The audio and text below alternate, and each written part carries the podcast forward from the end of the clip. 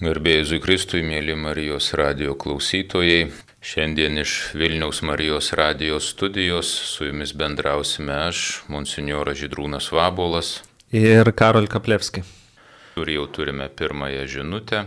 Taip, turime daug žinučių, kurios ateina jau iki laidos, taigi pirmoji iš jų, kokiomis sąlygomis galima kasdien pelnyti visuotinus atlaidus. Visuotiniai atlaidai e, pelnomi vieną kartą per dieną, o sąlygos yra visada trys tos pačios arba keturios, reiškia e, būti malonės stovyje ir priimti šventą komuniją. Tai yra viena arba su tuo susijusi antra atlikti išpažinti, jeigu jau žmogus turi sunkių nuodėmių, tada pasimelsti popiežiaus intenciją ir tada atsižadėti širdyje bet kokios netgi sunkios nuodėmės. Na ir visada yra kažkokia papildoma sąlyga, dar kažkoks veiksmas, kuris yra atliekamas. Tai e, tie veiksmai yra arba kažkokia malda, kurią kalbant viešai e, kartu su kitais, e, arba net ir asmeniškai yra suteikiami visuotiniai atlaidai popiežius e, suteikęs tokią malonę, arba tai yra kai kurių vietų aplankimas, tarkim, yra e, vietos, kurios nuolat surištos su atlaidų malonė, tai mm, e, praktiškai, pavyzdžiui, visos didžiosios bazilikos Romoje ir, ir daugelis šventovių pasaulyje turi tokią atlaidų malonę.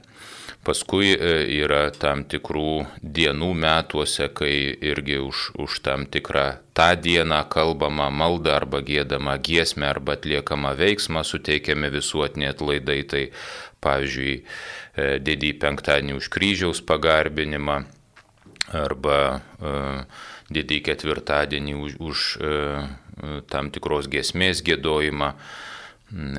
Tai Va, tai tikrai naudokime atlaidų malonę. Turime skambutį. Taip, mums paskambino Gedrė iš Vilkaviškio.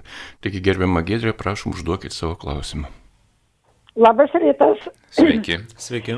Toks vat klausimėlis.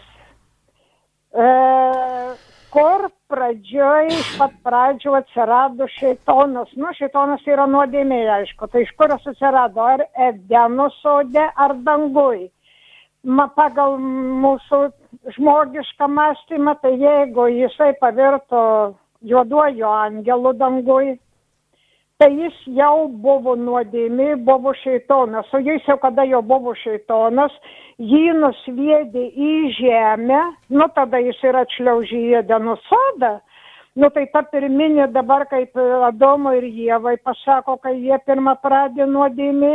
Nu tai jeigu jau tas šėtonas jau ta nuodėmė buvo atsiradusi tai danguje jinai iš dangaus nukrito į žemę ir jau pradėjo gundyti žmones tai va ta pirmoji nuodėmė kažkaip tai keistai traktuojama. Malonėkit paaiškinti Taip, tai e, girdžiu, kad e, jau jūs gerbiama klausytoja pati daug žinot, apmašius e, pasiskaičius.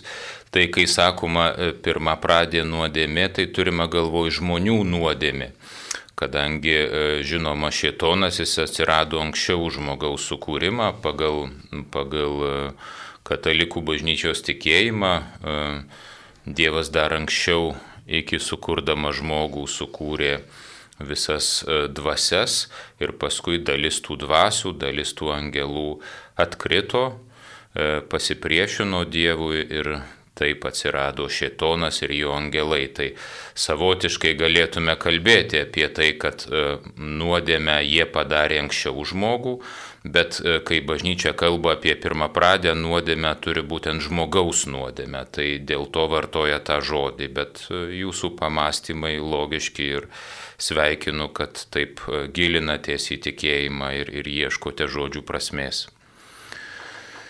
Toliau skaitome žinutės. Dar viena žinutė tokia. Kuo skiriasi šventoji dvasia nuo sielos? Kada jie apsistoja žmonėse? Kaip buvo atskleista? Ir taip toliau. Šventoji dvasia yra trečiasis švenčiausiosios treibės asmuo. Tai e, mes tikime Dievą, kuris yra vienas trijuose asmenyse ir, ir e, šventoji dvasia yra vienas iš tų asmenų, o siela tai yra jau žmogaus dalis. E, mes žmonės esam kūnas ir siela. Ir e, tai yra mūsų tiesiog žmogiška dvasia. Žmogiška dvasia galima sakyti, arba žmogiška siela reiškia tas e, dvasinis, e, nematerialus žmogaus pradmuo. Na, o kaip jinai nusileidžia į sielą, tai žinoma yra katekizmo arba teologinių atsakymų, kad Jėzus pirmiausia dovanoja savo šventą dvasę, tai mes švenčiam sekmines ir e, Kristus e, atsiunčia šventąją dvasę nuo tėvo. Taip, e, taip ir tikėjimo išpažinime kalbame, kai sakome, kad tikime šventąją dvasę, tai reiškia, kad jinai kyla iš tėvų ir sūnaus ir, ir yra sūnaus atsiųsta mums. Paskui, žinoma, to šventosios dvasios raginama prašyti, kviestis ją. Tai Jėzus irgi vienam savo pamokymę sako, kad mano tėvas tikrai duos šventąją dvasę tiems, kurie jos prašo. Nežinau, gal mano pašnekovas norėtų ar galėtų, pažiūrėjau, paliudyti, kaip jis pats yra prieimęs ar patyręs šventąją dvasę. Tai galiu papildyti irgi, kad yra e, šventosios dvasios krikštas irgi vadinamas, tai yra tokia Dievo meilės patirtis, e, irgi bažnyčiai, kurią dabar popiežius Pranciškus e, kviečia ir ragina bažnyčią. Ir pats irgi esu nuo pat vaikystės bažnyčioje, mano tėvai yra tikintis ir, ir dalyvavęs tame bažnytinėme gyvenime, vaikščiojęs į mišes, pirmos komunijos sutvirtinimo išpažinties, e, bet trūko asmeniško tokio santykio su Dievu. Ir tada būdamas prieš e, dabar jau 2016 e, metais buvo tada pirmą kartą atvažiavęs į Vilnių toks misionierius iš Lenkijos Marcin Zelinski. Ir tai tiesiog nuėjau iš įdomumo į tas pamaldas ir būtent tenai išgyvenau tą susitikimą su Dievu, kur kur ta Dievo meilės patirtis perkeičia tą suvokimą, supratimą, kad Dievas iš tiesų yra mano tėvas, kad jisai yra gyvas, kad jisai prisikėlęs ir kad malda tai nėra kažkokia formulė, bet malda yra apie santykių su Dievu, apie tą patį santykių su šventąją dvasia. Mes galime melsis, nes šventoji dvasia irgi yra asmo, yra vienas iš dieviškų asmenų. Tai va, tai ačiū pašnekovui irgi už, už paliudymą ir tai dar vienas, e, dar vienas būdas, kaip šventoji dvasia gali ateiti į žmogaus sielą, tai yra, kai kiti už mane meldžiasi ir kurie patys jau e, šventąją dvasę priemė, jie atsiveria, tai jų malda ir mane padrasina ir padeda man pačiam tai šventai dvasiai atsiverti. Toliau žinutė Taigi rašom, kaip šventajame rašte nuo Adomo ir Jėvos galėjo atsirasti gyvybė, jeigu jų palikoniai turėjo vyrišką lytį. Taip mano klausytoja. Na, e, čia turbūt klausimas būtų biblistui, mes čia nei vienas nesam biblistas, bet e, šventoji istorija yra e, nu, tik simbolinė istorija. Tai yra legendos žanras, legenda, kuri, kuria perduodama tam tikra tiesa. Tai nereikia tikėtis, kad, kad ten bus išvardinti konkrečiai visi egzistavę žmonės, net, net vėliau mes, mes skaitome, kad, kad štai buvo tik vyriški palikuonis ir paskui ėmė į žmonas kažkokias tai žemės dukteris. Ne? Tai Šiaip jau šventų rašto aiškintojai sako, kad Adomas ir Jėva yra kartais tokie simboliai netgi žmonijos, ne, tai neturim, neturima galvoj vienas asmuo Adomas arba Jėva, bet, bet tiesiog kaip žmonijos įvaizdžiai. Tai viena iš nuomonių e, ne, nebūtinai absoliučiai dogmiškai patvirtinta, bet, bet e, taip gali būti. Ir galiu papildyti irgi, kad pradžios knyga, e, kartais žmonės to nežino, bet tai nėra pirma knyga parašyta pagal amžius, kad pradžios knyga yra parašyta daug vėliau. Ir vad kaip kunigas irgi minėjo, kad ją reikėtų skaityti per tokią prizmę, kad labiau atskleidžia santyki žmogaus ir Dievo, bet ne kaip tiesioginė ta tokia istorija, kur skaityti vardais ir apie palikonis. Taip, turime skambutį. Skambina Ona iš Utenos. Taigi, gerbiamą Onutę, užduokit klausimą. Garbėjai Zikristai. Garbėjai Zikristai. Per amžius amen. Kai, kai sekmadienis būna myšios 12 val.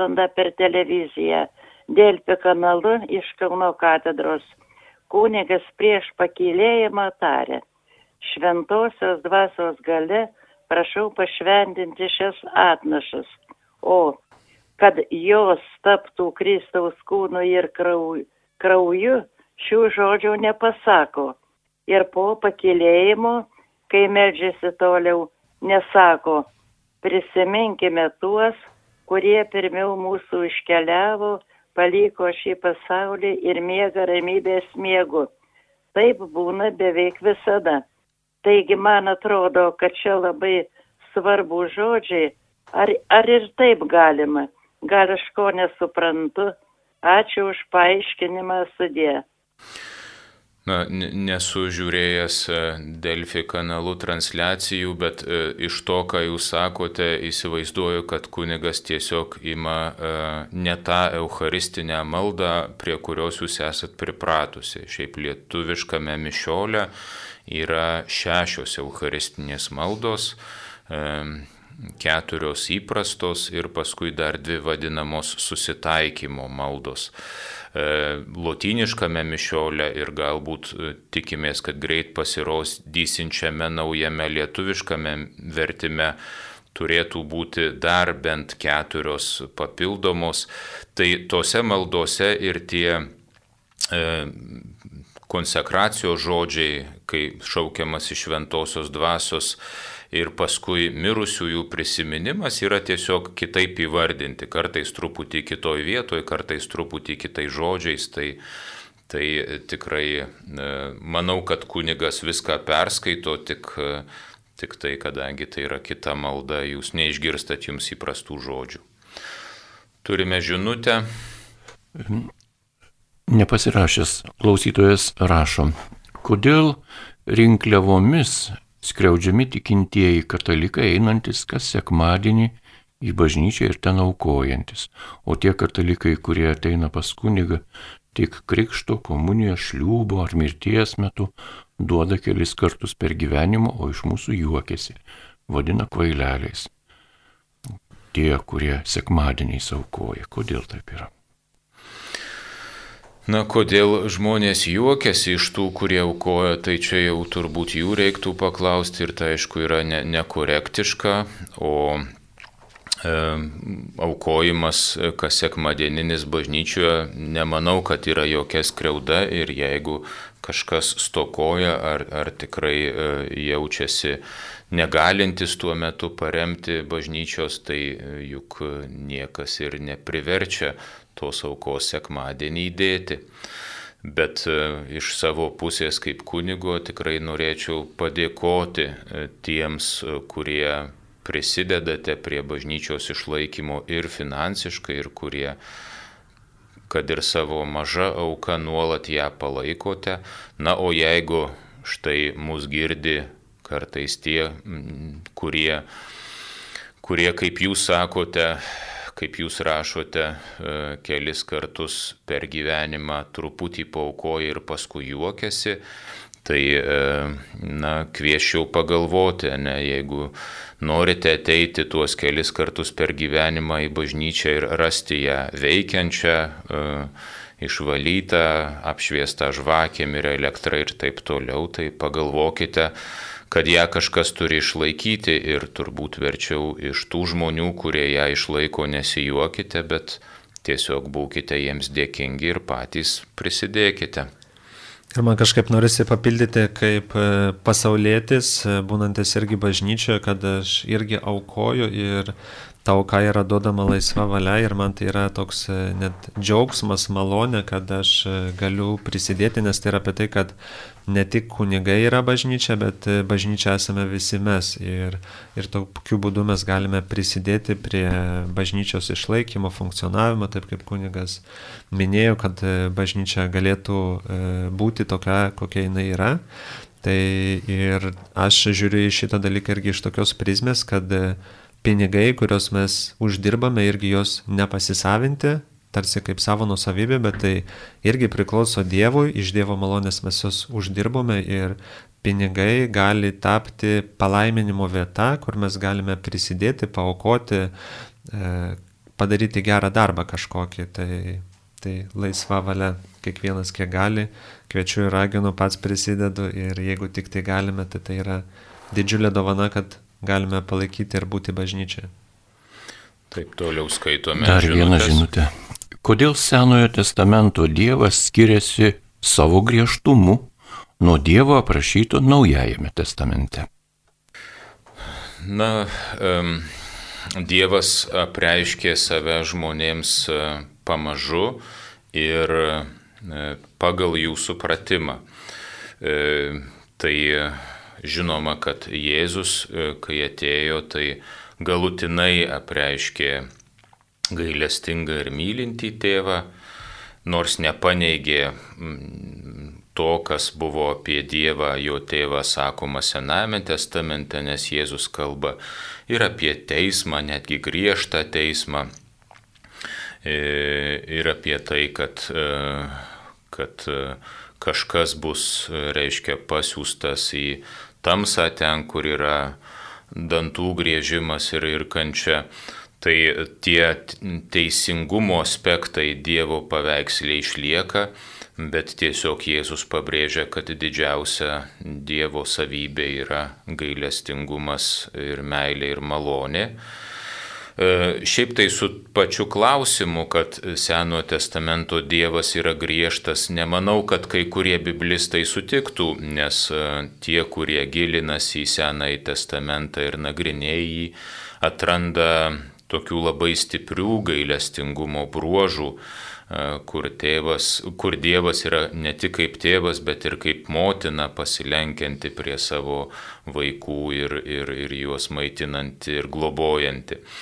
Tai, tai čia, žinot, gal irgi truputį požiūrio klausimas, bet šiaip tiesiogiai atsakant į jūsų, jūsų klausimą, tai žinoma, kad mūsų pažinimas visada auga. Net ir mūsų asmeniam gyvenime mes Dievą pažįstam vienai, paskui kitaip, paskui trečiaip, vis kažką naujo sužinom, vis labiau gal suprantam ir patiriam, koks jis yra Tai lygiai taip pat ir, ir visa žmonija, ir visa Dievo tauta Dievą pažino pamažu. Ir, ir tuose gyvenimo įvykiuose, istoriniuose įvykiuose, kurie ją ištikdavo, jinai, jinai bandė suprasti, koksgi tas Dievas ir, ir, ir kodėl mums vienai par kitaip atsitiko ir, ir, ir kaip tai mums apreiškia kažkokią tiesą apie, begalinį ir amžiną į viešpatį. Toliau skaitome žinutės. Kokių duomenų mes turime, kad mūsų tikėjimas yra pats teisingiausias? Ir kaip bus nubausti tie, kurie buvo priversti gyventi kitur, priimant kitokius tikėjimus, klausė Jadvyga. Duomenys apie tikėjimo teisingumą turbūt yra pasitikėjimas pačiu Dievo preiškimu. Tai mes tikim, kad Jėzus Kristus e, yra e, galutinis amžinasis Dievo žodis ir kad jis galutinai apreiškia Dievą. Ir tai nėra teorinė tiesa, bet jūs klausėt apie duomenis, bet tai nėra kažkokia teorinė tiesa, tai pats Dievas atėjęs į mūsų žemę. E, dabar, e, kad e, Kristus kažkaip įrodytų loginiais argumentais tą savo teisumą ar, ar e, tikrumą, taip nėra, jis kviečia tiesiog tikėti. Ne? Ir, ir, ir tas teisingumas, jis tai nėra tik tai teorinė arba, arba loginė tiesa, tai labiau yra santykio tiesa. čia gal kažkiek nėra, nėra visiškai tinkamas pavyzdys, bet kažkiek galbūt padeda, padeda nu, įsivaizduoti arba rasti atsakymą iš tą klausimą. Tai kaip, vat, pavyzdžiui, vyras žino, kad jo žmona pati geriausia. Nu, vat, kažkaip e, jis ne, nesvarsto, kad jinai ten kažko nemoka, ką moka kitos, arba jinai kažką moka geriau, ko kitos moterys e, nemoka.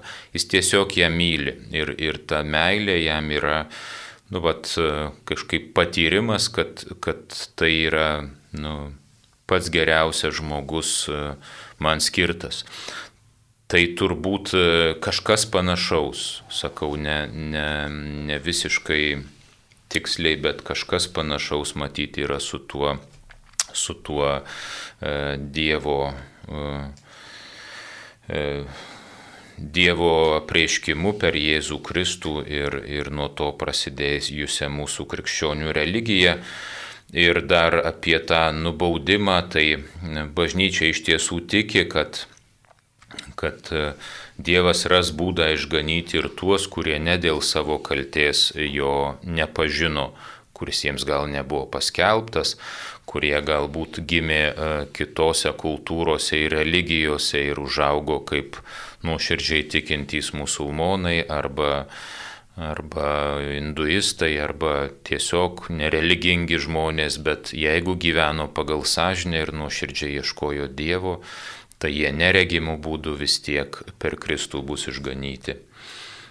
Ir tai, kas sustiprina mūsų tikėjimą, tai Dievas irgi duoda stebuklus, tai e, ženklus, tai žinom irgi apie eucharistinius stebuklus, tai yra, e, kai ostija persikeičia į Kristaus kūną, tai tam yra daromi tikri moksliniai tyrimai, jeigu jau kalbame apie kažkokius įrodymus arba tokius vat, žemiškus patvirtinimus, e, kad tai iš tiesų yra žmogaus kūnas arba, pavyzdžiui, žmogaus e, raumens širdies raumuo ir pagal tyrimus, kai tyrė skirtingų tų eucharistinių stebuklų, tai irgi, kad sutampa kraujo grupė, žinome, kad irgi turime drobulę iš, išsilikusią, kad tai nėra vien tik tai vat užrašyta kažkokia teorija, pasaka, istorija, bet iš tiesų žinome tikrus faktus, istorinius, kad iš tiesų Jėzus gyveno, kad jisai prisikėlė ir turime iki šiandien stebuklus, kurie vyksta ir šiandien, ir dabar, kur galima nuvažiuoti ir pamatyti tos pačius eucharistinius stebuklus. Tai Dievas tokiu būdu irgi sustiprina mus tame tikėjime, apie kurį kalbėjo kunigas. Taigi ir toliau tęsime laidą, o dabar skaitau dar vieną žinutę. Jeigu visi trys Dievo asmenys yra lygiareikšmiai, lygiaverčiai, tai kodėl teigiama, kad Dievas tėvas yra numeris pirmas, sūnus numeris antras, o šventoji duose numeris trys. Bažnyčia yra mistinis Kristaus kūnas, Taip teigia kunigai. Ar tai reiškia, kad tikintieji gyvena mistikos ir transcendencijos plotmėje, o tapusieji agnostikais gyvena realybėje? Tai čia turbūt viename yra du klausimai. E, atsakant į klausimą apie švenčiausią trejybę, Tai taip, e, viena vertus mes sakome, kad e, švenčiausiosios treibės asmenys yra tos pačios prigimties ir, ir lygus. Ir kita vertus visgi e, apie juos kalbėdami kalbam apie tam tikrus santykius arba kilimus. Tai kad tėvas gimdo sūnų, dvasia kyla iš tėvo ir sūnaus.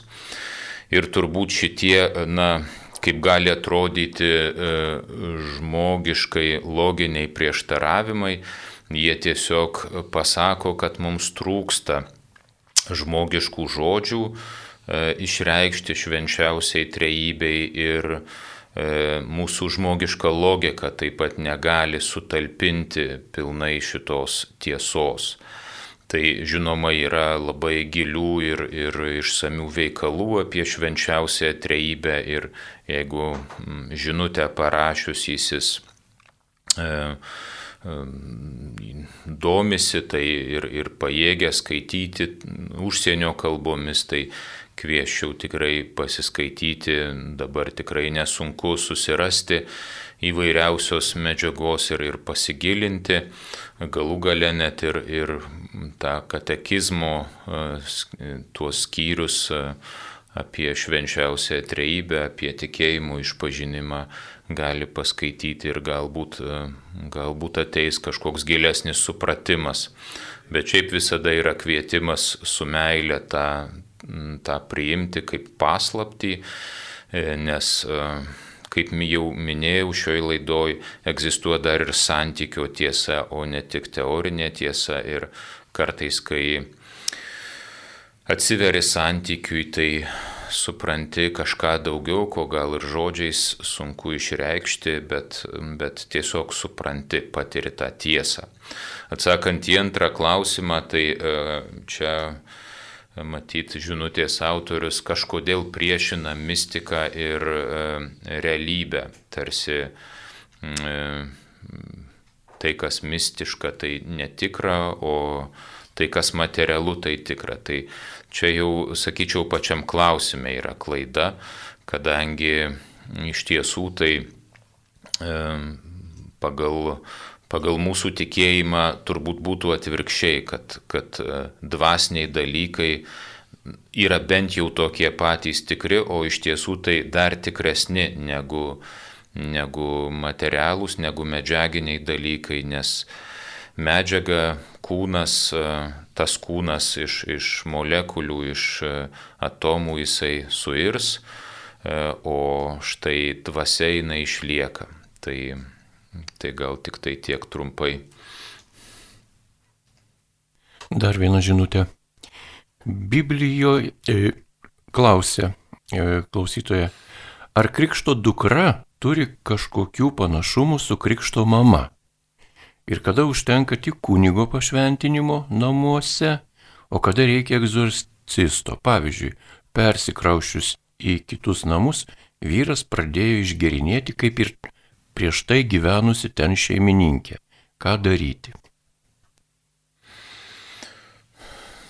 Tiesą sakant, į pirmą klausimą nu, nelabai turiu ką atsakyti, nes nelabai suprantu, tai e, krikšto mama ir krikšto dukra. Nu, tai E, krikšto dukra yra ta, kuri yra pakrikštyta, o krikšto mama ta, kuri jos krikšte dalyvavo ir prisėmė visas krikšto mamos pareigas. Tai, tai e, tiek čia to ar panašumo, ar skirtumo.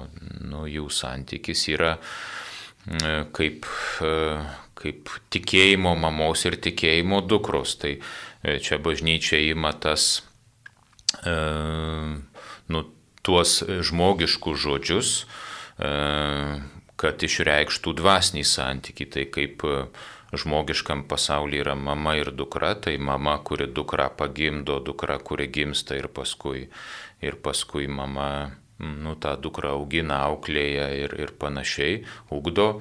Tai turbūt taip ir tikėjime tas krikšto tėvų e, reiškia institutas, apskritai krikšto tėvai yra kilę iš to, kad e, ankstyvojo bažnyčioje vieni kitiems e, žmonės paskelbdavo Kristų ir kai, tarkim, vienas suaugęs žmogus kitam žmogui paskelbdavo Kristų ir anas įtikėdavo, tai, tai šitas paskelbusysis jį atsivesdavo į bažnyčią, mokydavo tikėjimo, paliudydavo bendruomeniai už jį ir e, per krikštą apsimdavo pasižadėdavo toliau jį tikėjimo kelyje paremti ir palydėti. Tai, tai vad norėdama išreikšti šitą dvasinės tėvystės ar motinystės santyki, bažnyčia ir, ir naudoja tą, tuos tėvo sūnaus arba motinos dukros terminus įvaizdžius.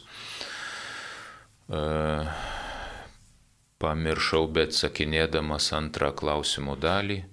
Tiek to, galbūt imkim kitą. Taigi šventosios dvasios dovanos. Kaip žinoti, kokias jas turi? Nori suprasti, ką sako šventoji dvasia. Kaip gauti kalbų dovaną, kaip melstis.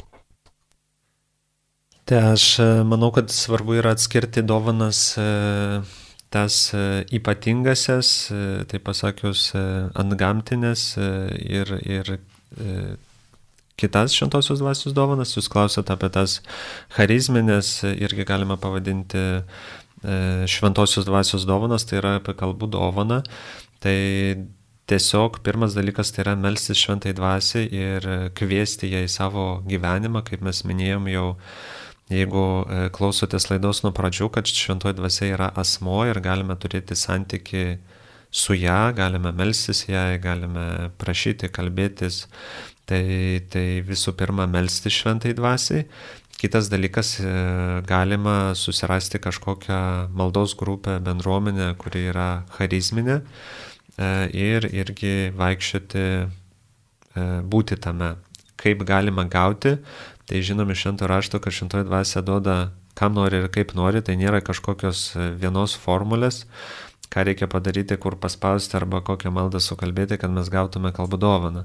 Nes šentoji dvasia dalina kaip nori ir kam nori ir kada nori, tai mes galime prašyti jos tos dovanos, e, bet nėra kažkokios ypatingos formulės, kaip gauti tą dovaną mes galime. Aš dar e, prisiminiau praeito klausimo antrą dalį apie, apie namų pašventinimą arba egzorcisto pakvietimą. Tai tokios labai aiškios taisyklės nėra, kada reiktų vieno, kada reiktų kito. Pirmiausia, aš siūlyčiau visada tiesiog namus pašventinti. E, e, paskui minimas pavyzdys, kad e, vyras atsikraušius į naujus namus pradėjo išgerinėti kaip ir buvę šeimininkai. E, čia būtinai e, daryti dvasinę sąsąją nu, sunku, nes išgerinėti žmogus gali dėl labai daugelio priežasčių. O bendras principas apie šitono veikimą tai yra, kad jeigu mes gyvename tikėjimo gyvenimą, melžiamės, e, praktikuojame sakramentus, tai mūsų, na, pavadinkim taip, dvasinis imunitetas piktojo veikimui yra, na, gana didelis, reiškia Dievas, Dievo malonė mūsų saugo ir, ir tada paprastai tai neturime ko bijoti. Na, o, o šiaip kažkokio blogio sunkumų šitam gyvenime tai apskritai patiriame. Žinoma, jeigu, jeigu namuose ten tikrai e, kažkas vaidenasi ir žmonės, nu, jie yra, tarkim, psichiškai sveiki, ne, neturėję ten kažkokių halucinacijų ar kažko, jeigu kažkas atrodo bilda be priežasties, ten dinksta daiktai, tada galbūt verta būtų susirasti viskupijos egzorcistą ir pirmiausiai bent jau pasikonsultuoti telefonu, kadangi šiaip egzorcistai mm, būna paprastai vienas arba daugiau daugiausia du ir jie tikrai gana užimti, tai na, kiekvienų namų jie pašventinti nesugebės ir nesuspės. Tai pirmiausia visada patarčiau tiesiog patiems atnaujinti savo tikėjimo gyvenimą ir taip pat pasikviesti kunigą, kad, kad pašventintų namus. Tęsime žinučių skaitimą. Dar viena žinutė. Ar tinka kunigui dovanoti monstranciją? Ar geriau dovanoti tokį daiktą bažnyčiai, kurioje jisai klebonauja? O gal tokia kuniga gali kuniga vesti į pagundą, klausė Kestutis ir Vitalija iš Vilnius. Su dovanomis tai nu, toks sudėtingas dalykas. Jeigu klausėt, ar tinka, tai na tikrai čia nėra. Jeigu jūs klaustumėt, ar tinka kunigui dovanoti pistoletą, tai turbūt sakyčiau ne. Monstranciją dovanoti galima, E, nežinau, ar tam kunigui to reikia ir ką jis su jie veiks, nes kunigai mes e, laiks nuo laiko kraustomės iš vienos parapijos į kitą, keičiam tarnystės vietą. Tai kai turim per daug tokių e, daiktų ar, ar, ar šventų daiktų, kaip monstrancijos taurės, kryžiai ir panašiai, paveikslai visokie, ar tiesiog ir paprastų pasaulietinių daiktų, tai tada jau tikrai tampa tampa kartai sunku persikraustyti ir, ir, ir nebėra kur, nebėra kur tų daiktų paskui naują vietą nuvažiavus sus, susikrauti. Bet iš tiesų tai priklauso nuo kunigo, gal, gal jam tikrai ta monstrancija būtų jūsų meilės įrodymas ir gal jis paskui ją naudotų adoracijai. Tai čia, čia tikrai manau, kaip, kaip nuspręsit, žinoma, dar kiekvienas žmogus tikriausiai skirtingai dovanas reaguoja ir skirtingai nu, priima tą pačią dovanojimo tradiciją. Man, pavyzdžiui, tai visai nu, netrodo blogai tiesiog atvirai paties žmogaus pasiklausti, jeigu aš tau padovanočiau tai ir tai, ar, ar, tau, ar tu norėtum, ar tu priimtum. Žinoma, nelieka tos taigmenos aspekto, bet tada bent jau išvengiam e, to, kad, kad, nu, kad padovanojom paskui nereikalingus, daik, ne, pridovanojom nereikalingų daiktų, kurie žmogui tik yra našta ir jis neturi jų nei kur, nei kada panaudoti. Dar viena žinutė. Biblijoje skaitome ir randame Dievą žudantį mažus vaikus, deginantį miestus, skandinantį miestus. Ar galima tokį Dievą vadinti gerų žmonės mylinčių dievų. Na tai kaip čia ir atsakinėjant į vieną iš ankstesnių klausimų, minėjau, kad e, Dievas apreiškė save pamažu, bet kai sakom, Dievas save apreiškė, tai vis tiek pagal žmonių supratimą. Ne? Iš tiesų žmonės patyrė kažkokius dalykus ir bandė suprasti, e, kur čia yra Dievas, e, kaip jis čia veikia. Ir e, galbūt ir iš savo pusės įsivardindavo, kad štai Dievas vienaip ar, ar, ar kitaip pasielgė, vienaip ar kitaip liepė ir panašiai. Tai iš tiesų tokie tokie pasakymai šventame rašte jie mums šiais laikais kelia sumišimą, e, gal ankstesniais laikais e, tai atrodė žmonėms normalu tokiu būdu išreikšti Dievo veikimą. Turim dar suprasti, kad tie tekstai yra seni, ne, jie, jie parašyti kitą kalbą, jie parašyti kitoj kultūroje ir kitos mąstysenos žmonių žmonės na, visiškai kitaip mąstė ir per tą savo mąstymą bandė išreikšti tiesą apie Dievą, kurią suprato kaip Dievo prieškimą, kurią Dievas jiems apreiškė. Šiais laikais mes tuos e, jūsų paminėtus e, e, tekstus iš Senojo testamento dažniausiai aiškiname kaip, kaip nu, iš dvasinės pusės, reiškia, tai yra tikrai bažnyčia nuolat nat, pasilaiko ir, ir, ir lieka prie to dvasinio Biblijos aiškinimo. Ir, ir tarkim, jeigu mes skaitome, kad, kad Izraeliečius Dievas pervedė per Raudonąją jūrą, per Nendrių jūrą, o, o egiptiečius ten paskandino, tai Tai nereiškia, kad Dievas yra egiptiečių priešas ir dabar, kad visas krikščioniškas pasaulis turėtų, sakykime, užpulti Egiptą ir jį sunaikinti. Tai čia tikrai ne apie tai. Tame toje faraono kariuomenėje išvelgiama na, e, pikta jėga, nuodėmė besivėjanti žmogų, kurį Dievas išveda iš nuodėmės vergyjos. Ir štai tą, tą nuodėmę Dievas, Dievas sunaikina. Ten yra kiti tekstai, kai jau um, izraeliečiai ateina į pažadėtą žemę ir, ir taip yra, kur įvardinta, kad Dievas tarsi liepia jiems ten iš, iš, išnaikinti visus, visus gyventojus. Tai ten reikia skaityti į tai, kokia priežastis nurodoma.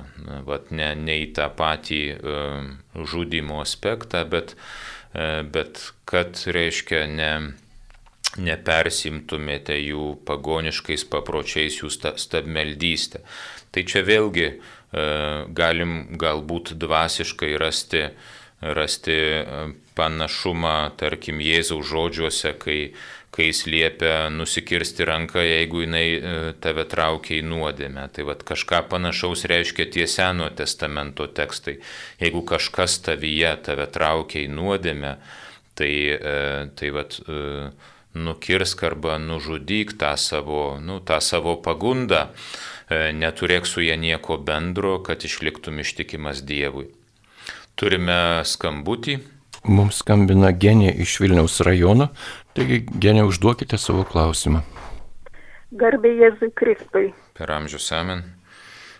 Aš norėjau va taip paklausti, ar labiau nereikėtų atkreipdėmėsi kalbant Kristaus kryžiaus kelius į auką, Kristaus ant kryžiaus, negu motinos Marijos kančia po kryžiaus. Nes taip kai, kažkaip nuvertinama Kristaus atpirkimo auka, jeigu mes labiau dėmesį kreipiame į Marijos kančią. Bet Kristus kentėjo žymiai, žymiai daugiau už, už Mariją ant kryžiaus. Tris valandas kančia jo tęsiasi už mūsų išgelbimą, šventą kraują pralėjusiai dėl mūsų. Tai va taip. Tai ačiū labai gerbiamą klausytoją e, ir jūs teisingai mastote ir šiaip jau tai bažnyčia pirmiausia įsižiūri į Kristaus auką, o žinoma e, visa kita e, yra tik tai antriniai ir tretiniai dalykai ir, ir ta pati Marija, kuri žinoma stovėjo po kryžiumi, bet jinai tik dalyvavo Kristaus aukoje ir, ir taip atskirai paimta Marijos kančia jinai nėra išga, išganinga, ta prasme, kad ne, ne Marijos kančia mes esame išganyti, mes esame išganyti Kristaus kančia ir auka ant kryžiaus. Bet kai jūs sakote, kad labiau įvartinama arba mm, iškeliama Marijos kančia ir netgi padaroma svarbesnė, tai čia jau yra grina jūsų įspūdis, gal, gal jūs girdėjot kažkokį mąstymą ar, ar mm, skaitėte tekstą, kur tiesiog buvo susitelta į Marijos kančią, bet net jeigu žmogus ar, ar kunigas e, kalba apie Marijos kančią, nereiškia, kad jisai, e, jisai nuvertina Kristaus kančią. Tai nu, mes negalim e, kiekvienoj stoti išdėstyti visos bažnyčios teologijos ir, ir paminėti visus dalykus. Tai mes tiesiog nu, pasirenkam kažkokį vieną aspektą, kuris tuo metu turbūt padeda maldai galbūt labiau paliečia mūsų patirtį. Tai net jeigu jūs girdite nu, vat, tokius mąstymus, tai aš nesiūlyčiau daryti per greitų išvadų, kad, kad čia jau nuvertinama Kristaus kančia ir, ir Marija iškeliama virš Dievo. Turime žinutę. Kai gimė išganytojas, tai naujai užtekėjusi žvaigždė nuvedė išminčius ton vieton, kur tvartelis buvo kodėl jiems dar reikėjo užsukti Jeruzalėn ir klausinėti apie karaliaus gimimą ir taip pakinti Erodą išžudyti daugybę kūdikių, jei ta kelrodė žvaigždė ir taip juos nuvedė. Negi toks buvo Dievo planas, jisgi tikrai žinojo, kad bus žudynės. Na tai uh, tiesiog toks yra Evangelijos pasakojimas, aš e, nežinau kažkokio e, aiškaus arba, arba tikslaus e, teologinio paaiškinimo, kodėl reikėjo užeiti į Jeruzalę. Galbūt tame galime išvelgti taip pat ir dar vieną ženklą, Erodui ir Jeruzalės gyventojams, aukštiesiems kunigams. Prisiminkim, kad kai išminčiai, reiškia, jų klausinėjo, tai tokiu būdu ir Erodas ir aukštieji kunigai sužinojo apie tai, kad e, gims, jau gimė e, išganytojas ir jie irgi turėjo galimybę keltis ir kartu su išminčiais eiti jo pagarbinti. Reiškia, šitame aš išvelgčiau dar vieną Dievo kvietimą e, tiems, e, tiems Jeruzalės gyventojams e, pripažinti Kristų ir jam atsiverti. Na, o irgi nevertinkime Evangelijos istorijų va taip logiškai, kad jeigu to nebūtų buvę, tai tada net to nebūtų buvę ir tada dar, e, nu, tarsi apkaltinam Dievą, kad jis čia kaltas dėl tų kūdikių žūties. Čia turbūt yra atskira kančios tema, kuri yra labai plati ir tokio irgi aiškaus loginio galutinio atsakymo į tai, kodėl nekaltieji kenčia mes negalim rasti žmogiškai. Mes turim gerų išvalgų, mes turim gilių pamastymų, bet galų gale e, Dievo atsakymas į kančią yra jo paties e, kančia ant kryžiaus. Tai e, čia jeigu kalbėtume apie tai, kad na, va, Dievas žinojo, kad to žudynės bus ir, ir vis tiek leido, kad jos įvyktų, tai jis taip pat žinojo, kad jo sūnus mirs ant kryžiaus, bet vis tiek leido jam gimti gimti pasaulyje. Čia gal visai e, toks e, tiktų prie atsakymo e, toks pasakojimas alegorinis apie tai, kad štai viena iš motinų, kurios kūdikis buvo nužudytas per, per tas kūdikių žudynės Betliejuje, e, sugalvojo atkeršyti, e, reiškia, na, kažkaip e, atsilyginti už tą skausmą, kurį patyrė ar Jėzui, ar, ar jo motinai Marijai. Ir sakoma, kad ilgai ieškojo, kol galų gale po 30 metų surado Mariją Jeruzalėje ir tada, žodžiu, išsakė visą savo skausmą, kad štai dėl tavo, dėl tavo sūnaus mano sūnus buvo nužudytas, ne, kad mano sūnus uh, mirė, kad, kad tavo sūnus gyventų, o tada Marija paėmė ją švelniai už rankos, parodė jį ant Kalvarijos kalno stovintį kryžių ir sako, štai šiandien mano sūnus mirė už tai, kad ir tu ir tavo sūnus būtumėt išgelbėti nuo amžinosios mirties. Tai gal toks alegorinis pasakojimas.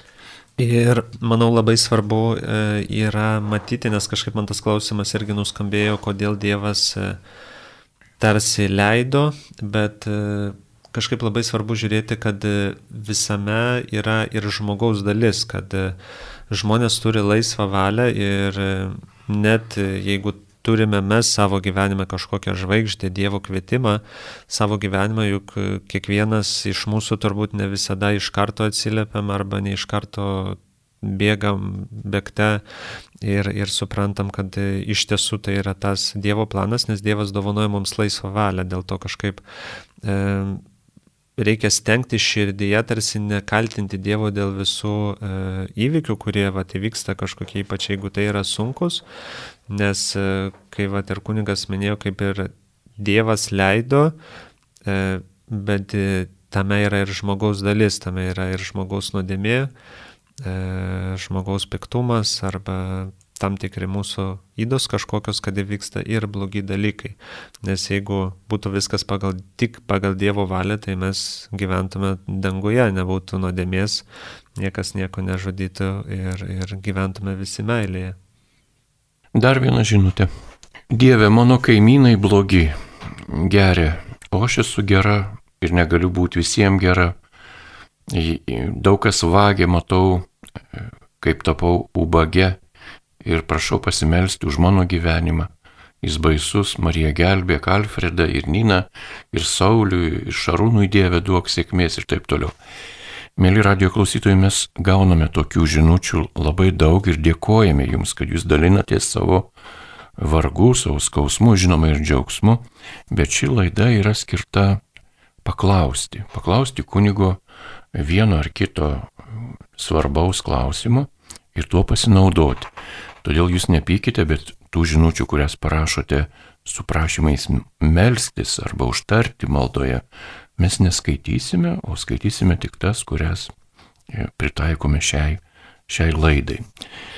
Štai tokia žinutė. Ar gali toksai egzorcistas kaip kunigas Valkauskas padėti, išlaisvinti? Tai e, visi gali kažkuo padėti pagal savo pašaukimą ir, ir paskirtį. Tai egzorcistai, ar tai būtų kunigas Valkauskas ar koks kitas egzorcistas, e, jie žinoma gali padėti tuose klausimuose, kam ta tarnystė skirta. Egzorcistos tarnystė yra skirta e, išvaduoti žmonės iš e, tokio ypatingo piktosios dvasios veikimo. Šiaip švent, piktosios dvasios veikimas yra skirstomas į, dvi dalis, tai yra toks įprastasis ir tada tas ypatingasis. Tai įprasta į kuris vadinasi gundimas patiria mes visi, e, nuo popiežiaus iki eilinio kataliko, net ir žinom, kad pats Jėzus buvo gundomas, tą prašytą Evangelijose randam. Tai šitą patiriam visi ir, ir vaistai nuo, nuo gundimo yra malda, yra išpažintis, yra sakramentai. O paskui gali būti ypatingasis e, veikimas, tai štai mm, tais ypatingo veikimo atvejais e, jau yra egzorcistų tarnystė.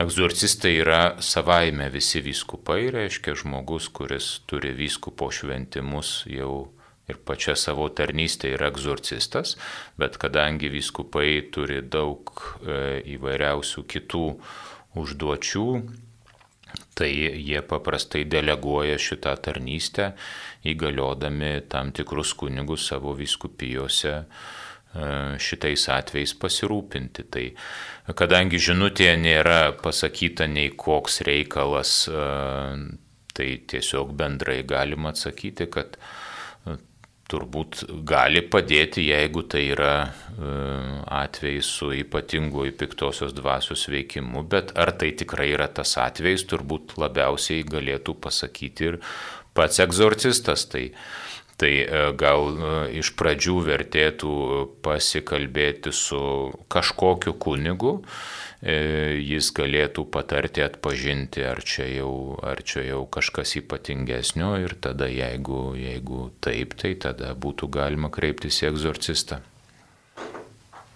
Dar viena žinutė.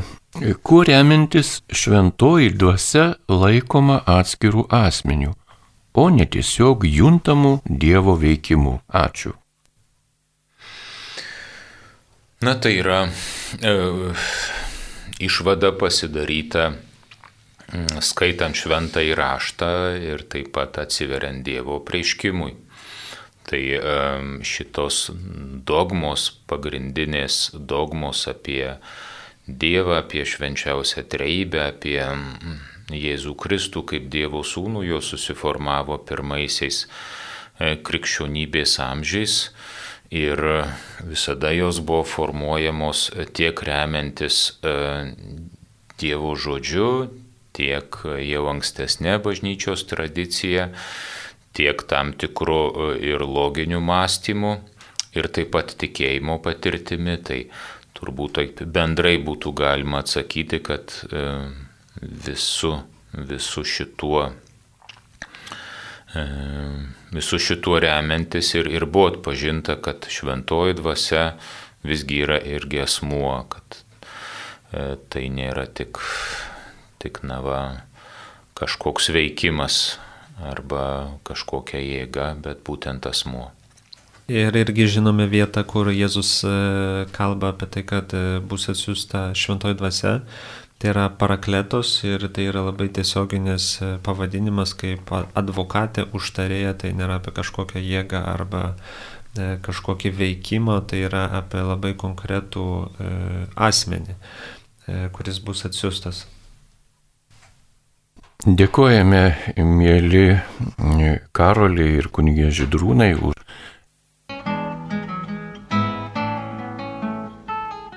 Mėly Marijos radio bičiuliai, Portugalijoje vykstant pasaulio jaunimo dienoms kartu su viso pasaulio jaunimu pakilkime nuo sofų susitikti su pasaulio viešpačiu ir Marijos radio savanoriais. Rūpiučio 6 dieną, sekmadienį, lauksime jūsų Kalnalio Kretingos rajone Šventojo Laurino bažnyčioje, Baisogalos Radviliškio rajone Švenčiausiosios Trybės bažnyčioje Skriaudžių Prienų rajone Švento Laurino bažnyčioje, Ažolų būdos, Kazlų Rūdos rajone Švento Antano Paduviečio bažnyčioje.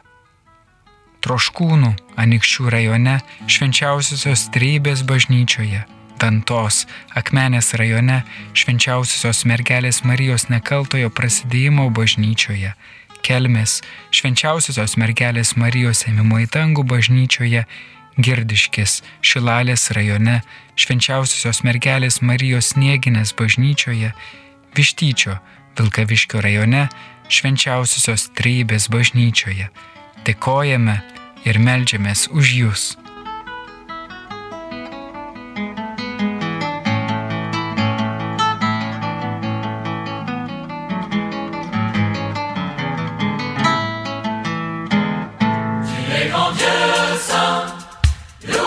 Attendons, tu es grand Dieu fort, et nous célébrons Dieu de tendresse, ta miséricorde et ton amour, tu es grand Dieu.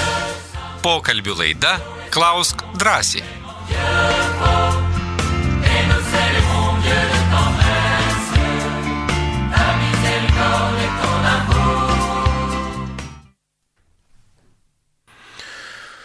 Mėly Marijos radio klausytojai, vėl sveikiname su jumis iš Vilniaus Marijos radio studijos. Aš, monsinjoras Židrūnas Vabulas. Ir Karol Kaplevski. Tęsėme laidą Klausk drąsiai. Ir kokių klausimų turime. Taigi dar viena žinutė.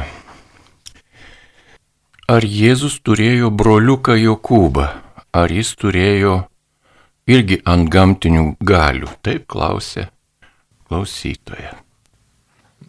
Na, e, nežinau, iš kur kyla tas klausimas, nes sprendžiant iš klausimo toks įspūdis, kad žmogus yra pasiskaitęs kokią nors knygelę ir, e, ir, ir užduoda tokį klausimą. Tai šiaip e, mes katalikai tikime, kad Jėzus buvo vienintelis Marijos sūnus, neturėjo tikrų brolių, seserų, kraujo brolių, seserų, kaip mes juos suprantam dabar mūsų kultūroje. Ne visi krikščionys taip tiki, pavyzdžiui, protestantiškos bendruomenės galvoja, kad po Jėzaus gimimo Juozapas su Marija turėjo šeiminių santykių ir, ir jiems gimė kiti vaikai. Na tai čia, čia tokia jų, jų pozicija.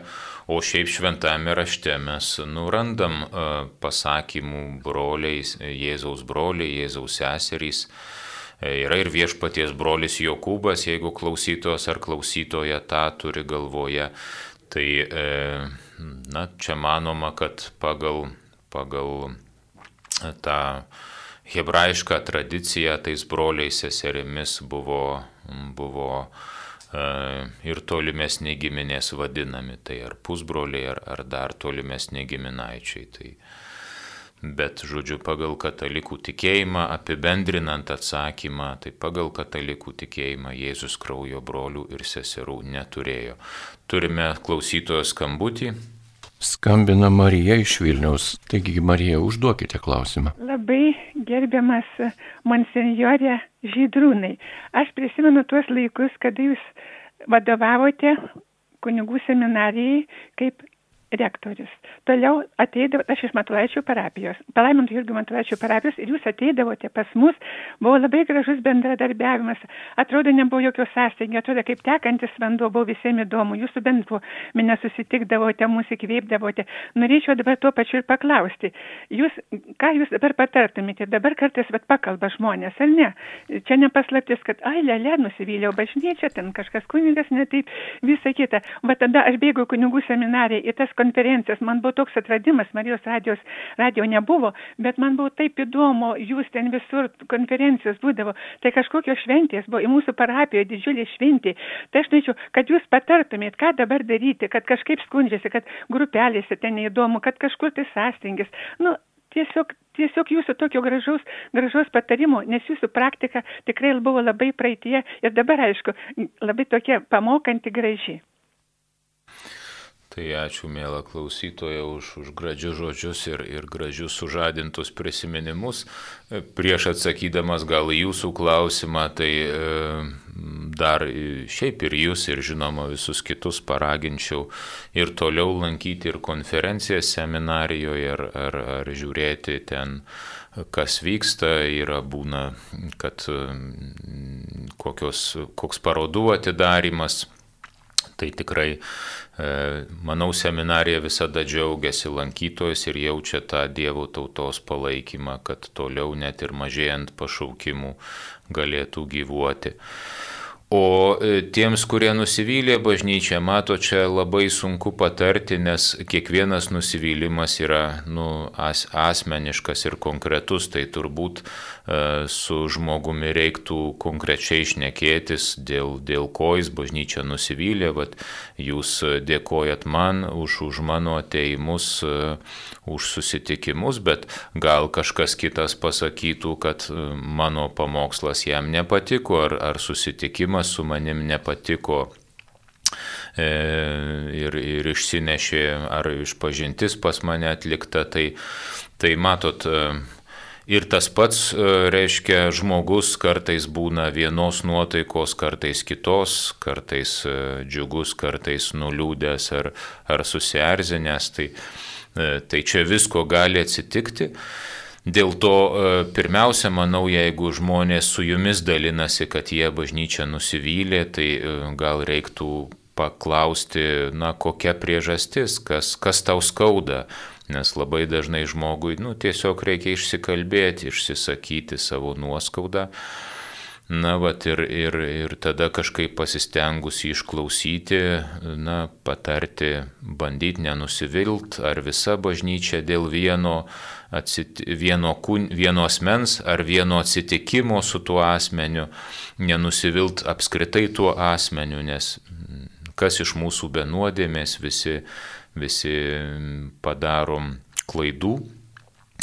Tai va, o šiaip jūs iš tiesų tai ir pasakėt iš dalies atsakymą į savo klausimą, nes uh, Bažnyčia gal sakyčiau, e, ir čia nu, nelabai toks malonus atsakymas, bet aš sakyčiau, bažnyčia labiau nusivilia tie, kurie, e, nu, į ją ateina tik tai nu, kažko reikalauti, kad kiti padarytų. Tas, kuris pats įsijungia ir kuris na, visa širdimi, tai bažnyčiai, e, tą bažnyčią stengiasi palaikyti gyvą. Tai jisai pats ir patiria, kad, e, kad na va, kad bažnyčia yra visokia, kad joje yra visokių žmonių ir kad jis pats būna visoks. E, tai, tai tada, kai, kai tiesiog priklausai bažnyčiai kaip šeimai, kaip savo bendruomeniai, tada taip gali ateiti nusivylimų, bet, bet nu ką, toliau toliau bandai ten gyventi, toliau bandai daryti tai, ką gali, o ko negali palieki Dievui. Tie nusivylimai matyt dažnai kyla iš nepagrystų irgi lūkesčių, tai žmonės ne tik bažnyčia, žmonės Dievu nusivilia, nes turi jam nepagrystų lūkesčių ir tikisi, kad Dievas ten padarys tą ar aną ar trečią. Tai, tai, tai taip žmonės nusivilia Dievu, bažnyčia žmonės nusivilia jau e, ir dėl e, dviejų priežasčių, sakyčiau. Viena yra ta pati, kad irgi turi bažnyčiai nepagrįstų lūkesčių. Ten, tarkim, norėjau, kad, kad pakrikštytų, o nepakrikštijo nors ten gal arba nesuteikė man ten išrišimo per išpažinti, E, tai gal, gal žmogus tikėjosi, kad, žodžiu, bažnyčioje viskas bus pagal, pagal jo norus ir kad viskas bus padaryta taip, kaip jis įsivaizduoja, o jis turės teisę nu, visiškai nepaisyti jokių bažnyčios reikalavimų nei, nei taisyklių. Na tai tokie žmonės nusivylę bažnyčią, kiti, kita nusivylimų priežastis yra, kaip minėjau, dėl bažnyčios narių žmogiško netobulumo, ar, ar, ar kunigų, dvasininkų, ar, ar kitų bažnyčios narių pasauliečių. Tai čia atsakymas yra tas, kurį jau pateikiau, kad kai supranti, kad esi bažnyčios šeimos narys, tai tada supranti, kad gal ir dėl tavo paties nuodėmių bažnyčia nėra tokia graži, kokia galėtų būti. Ir todėl, na, visada pirmiausia esi pakviesta žiūrėti į į save ir klausti, kuo aš bažnyčią darau gražesnę, o nebūtinai tik tai, tik tai ieškoti, na, kitų kalties. Bet čia aš nenoriu, nenoriu labai sukritikuoti ar suniekinti visų tų nusiveliančių ar nusivylusių, nes už to dažnai tikrai slepiasi skaudi patirtis e, e, ir, ir sunkus išgyvenimai. Tai, tai turbūt visada reikia glaustis prie viešpaties ir prie jo žaizdų.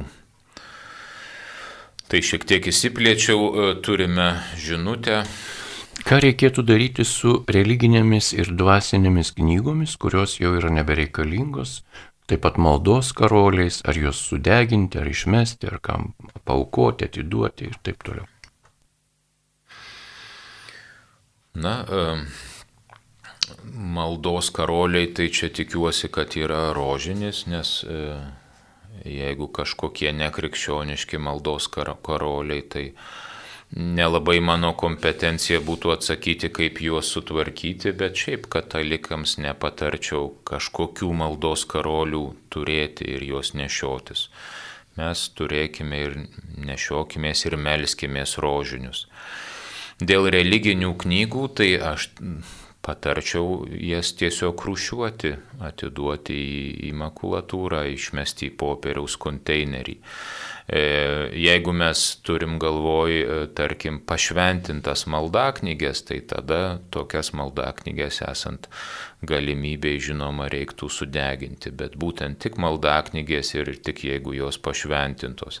Dabar tiek yra tos religinės literatūros ir tiek popieriaus, ant kurio išspausdinti Jėzaus Marijos šventųjų vardai, kad jeigu degintume viską, tai turbūt neparodytume Dievui pagarbą, bet kaip tik dūmais užterštume jo pasaulį ir, ir aptemdytume jo, jo veidą. Nu, kitą jo parašytą knygą, tai yra gamtos kūrinijos knyga, kurią tikrai esam pakviesti saugoti. Tai, Tai toks būtų patarimas, o jeigu žinoma turit dar buvo klausime, kad ar galima kitiems atiduoti, tai čia sakyčiau gal pirmiausia, pirmiausia pasiūlyti mm, artimiesiems, kaimynams, pažįstamiems pasiskaityti, jeigu manom, kad ta knyga tikrai įdomi ir, ir tam žmogui būtų naudinga. Galų gale ir, ir gatvėse būna šitų vat, gatvės bibliotekėlių, kur tiesiog galima nunešti įdėti, gal kažkas pasinaudos, pasiims arba, arba, arba nunešti į bibliotekas, viešosiuose bibliotekos irgi, kiek žinau, būna toks jie ar staliukai, ar lentynos, kur, kur tiesiog yra dalinimosi knygos, knygomis lentynos ir, ir galima ten atnešti laisvai atiduoti ir kažkas pasiims. Dar viena žinutė atėjo iš kretingos klausė Modestas, kokios yra nuodėmės prieš šventąją dvasę, kurios nėra atleidžiamos bažnyčios. Taip, tai čia klausytojas tikriausiai turi galvoje Jėzaus žodžius, kad jeigu kas e, pikžodžiautų žmogaus sūnų, jam bus atleista, bet jeigu kas pikžodžiautų šventai dvasiai, tam amžiais nebus atleista. Tai žinoma tokia sunki švento rašto vieta, nes mm, kažkaip sukelia abejonių Dievo gailestingumu, negi gali būti nuodėmė, kurios Dievas nesugebėtų atleisti. Tai aš e, nuodėmę prie šventąją dvasę apibrėžčiau tokiu bendru principu e, kaip e, žmogaus atsisakymą priimti Dievo gailestingumą. Pikdžodžiavimas šventai dvasiai Tai yra pasakymas Dievui, kad e, man tavo gailestingumo nereikia, manęs jisai nedomina. E, kokiu būdu žmogus tą pasako, kokia konkrečia nuodėme, tai čia, tai čia, nu, anksčiau aš esu skaitęs senesnėse maldaknygėse, pavyzdžiui, būdavo nurodyti tik konkretūs e, nuodėmių šventąją dvasę pavyzdžiai, nu tarkim ten atidėliojimas krikšto iki mirties, specialiai atidėliojimas. Tai, e, na taip, tai gali būti nuodėmė prie šventąją dvasę, bet gali ir nebūti, nes jeigu žmogus piktavališkai atideda krikštą, bet paskui pačioj gyvenimo pabaigoje jį priima ne iš to išskaičiavimo, bet dėl to, kad tuo metu jis jau tikrai atsivertė ir netgi apgailėjo tą savo atidėliojimą, tai jam tikrai bus atleista, jam, ne, e, jam Dievas nepaskaitys tos nuodėmės, e, šnekant šventojo rašto žodžiais.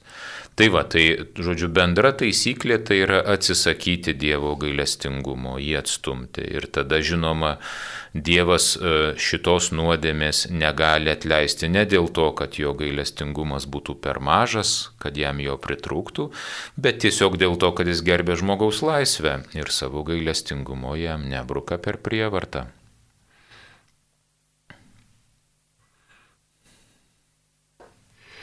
Dar viena žinutė Kas yra sielos tamsioji naktis ir kaip ji praeina? Dievo palaimos jums. Tai ačiū labai už mm, palaiminimą.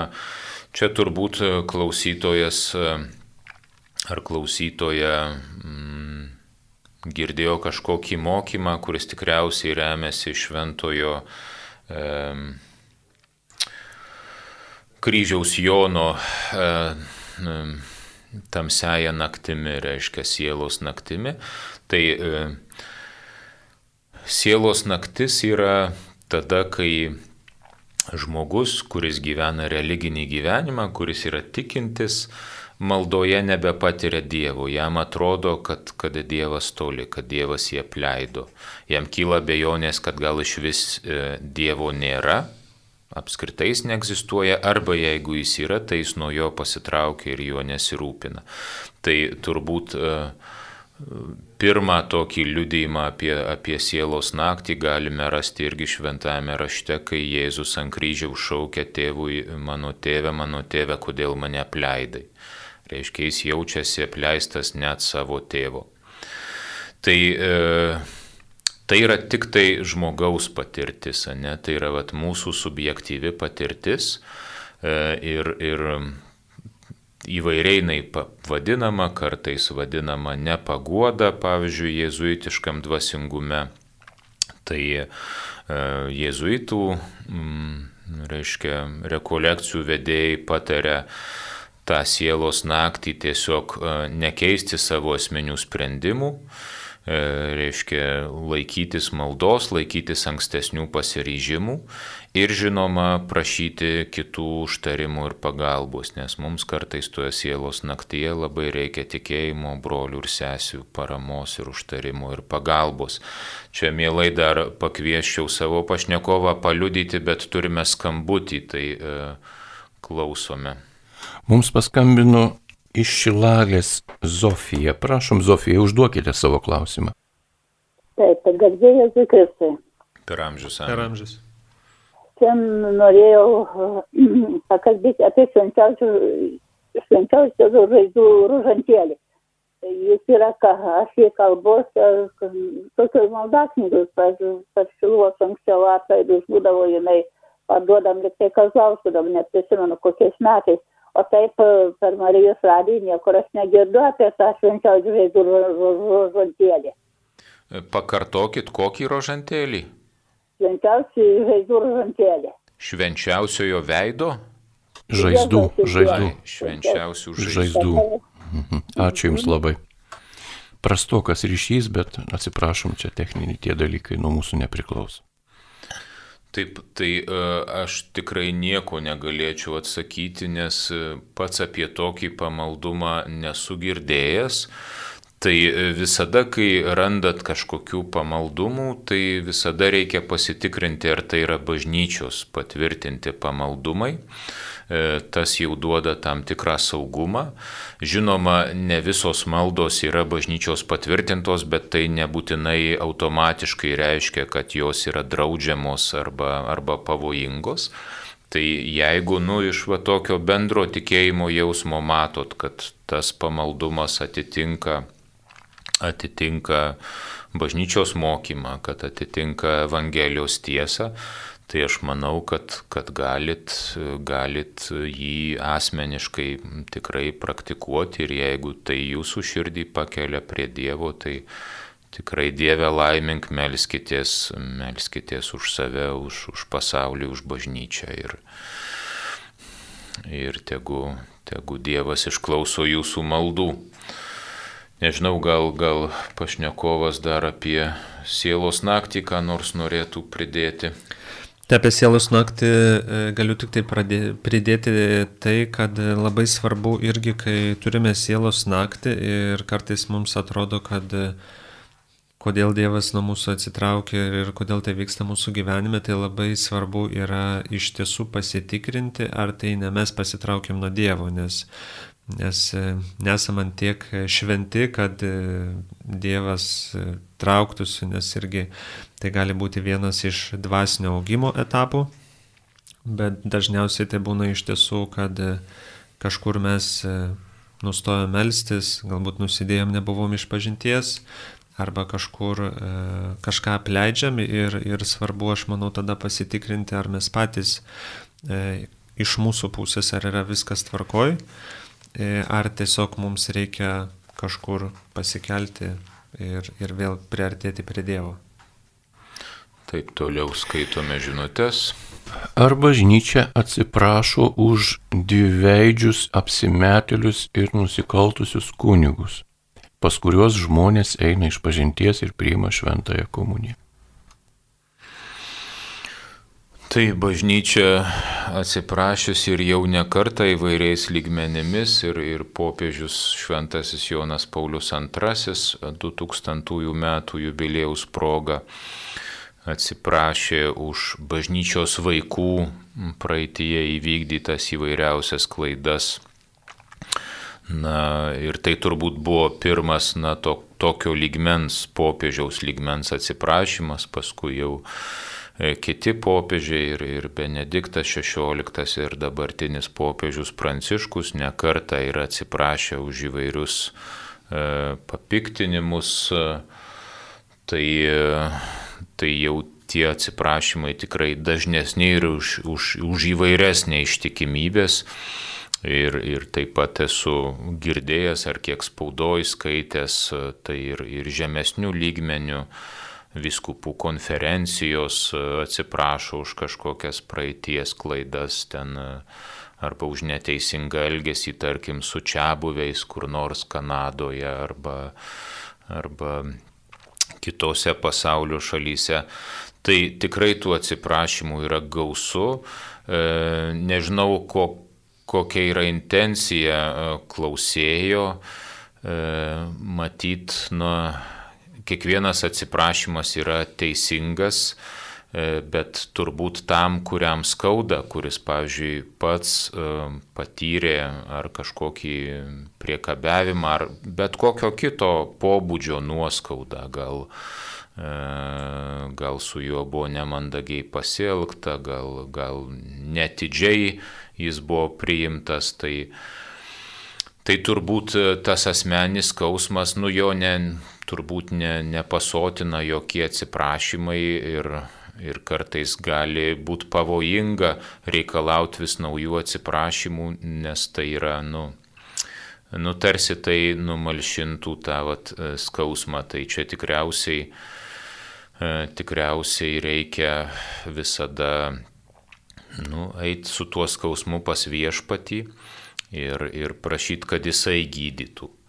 Pirmiausia, gal žinoma, tai reiktų visada savęs paklausti, kiek tas skausmas yra tikras. Aš esu, aš čia jokių būdų neniekinu e, kančios ar, ar, ar skausmo tų, kurie tikrai kažkaip nukentėjo nuo oficialių bažnyčios atstovų ar šiaip eilinių bažnyčios narių.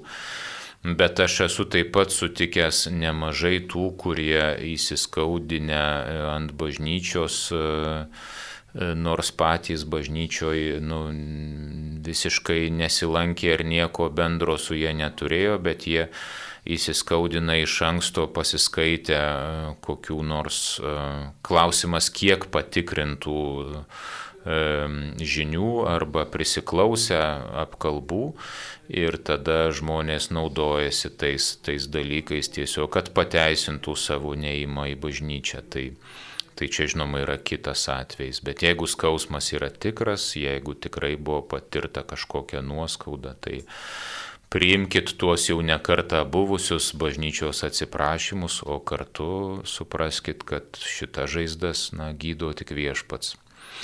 Turime skambutį. Paskambino Genovaitė iš Pasvalio rajono. Taigi, Genovaitė, užduokit savo klausimą. Garbėjai Jėzų Kristų. Per amžius amžius. Kunigėlė, aš noriu dabar pas jūs dar kreiptis. Man mučiutė paliko tenai toks, nu, varpelį, jinai, aš dar buvo vaikas, bet jinai man taip nusakė, reiškia, kad kur jin gavo tenai, kai to yra kaip ir stebuklingas, kad labai, bet kokiu atveju negalima naudoti, jeigu tik tai, kur labai kur didelis ar griaustinis ar žairis tenai, nu, jin daugiau smulkiai man nieko nepaaiškina. Aš dabar jį laikau jau kiek metų, visą gyvenimą jau sakyt. Nu, ir dabar man, nu, kur aš, aš dabar jo tiesiog, ir- bijau tiesiog, ir jeigu jis toks stebuklingas, į kur man dabar dėti, aš nežinau. Aš dabar tik išeisiu, numirsiu, o man, kad kam palisk, aš tiesiog neturiu. Sakau, dabar jeigu jį kur numėtis, buvo kunigėlė čia pas mus, bet pas mus kunigėlė tai yra jie ne, ne, ne lietuviai, jie tu tokiais neusijima. Ir dabar aš tiesiog vieną klausiau, rodžiu, sakau, jūs pašventinkit, mane šventina, padėk maldasnikė, padėjau sakau, to vartelį, man pašventinkit. Aš dabar galvoju, kad prašysiu su savo žmonių, kad man įdėtų į karstą. O dabar, jeigu aš jį paliksiu, taigi jį numėkis, numėkis į šiukšlyną, kur tenai konteinerį, argi galima šitaip. O dabar tie kunigėlė, jie ką pasižiūri, pavarta ir neima. Sako, jūs paimkit, sako, gal jūs kur padėsit, sako, jis ir visiems, jeigu taip, ta mačiutė man nusakė, visiems kas, kažkoks teis yra gal svarbus jinai. Ne, nešventina, dabar aš klausiu, sako, kunigėlė, ko, ko jūs maldasnikas mane šventit. Nereikia, o kam čia reikia šventit? Ir nešventina, ne tą vartelę man nešventina. Ir ką man dabar daryti su juo? Ar per paliksmą aš numirsiu. Ir aš dabar paliksiu jų numėtis kur jį. Kaip jūs patartumėt Supratom, ponė, supratom, jau kartojatės. Ačiū labai Jums už klausimą. Turbūt suprantu Jūsų rūpestį, bet, e, na, stebuklingas varpelis, e, kaip Jūs jį apibūdina, tai na, tikrai neaišku, dėl ko jisai stebuklingas ir aš tai siūlyčiau e, į tai žiūrėti ramiai. Pats varpelis savaime nėra stebuklingas. Aš tikrai negalėčiau atsakyti, kodėl Jums močiutė taip papasakojo, bet mes supraskim, kad e, liaudyje kaip ir anksčiau, taip ir dabar kartais klando įvairūs pasakojimai ir, ir, ir legendos, kurios nu, nelabai daug ką turi bendro su krikščionių tikėjimu. Tai aš manau, jeigu jums tas varpelis asmeniškai svarbus, nu tarkim, kaip močiutės palikimas, e, tai jūs jį laikykit, e, bet kam jau jis paskui liks, tai mes niekas matot nežinom, kai, kai numirsim, tai daugelis mums brangių daiktų e, kažkam liks arba gal nusimėtys, kaip jūs sakot. Na, mes čia šitoj žemėje žinai negyvenam ir, ir visų daiktų tinkamo vėlesnio naudojimo užtikrinti negalim. Taip kad sakyčiau, kad dėl šito nesijaudinkit, paprasčiausiai melskitės, būkite tikinti, o jau tas varpelis, kas, kas su juo bus, jau tas bus. Dar viena žinutė.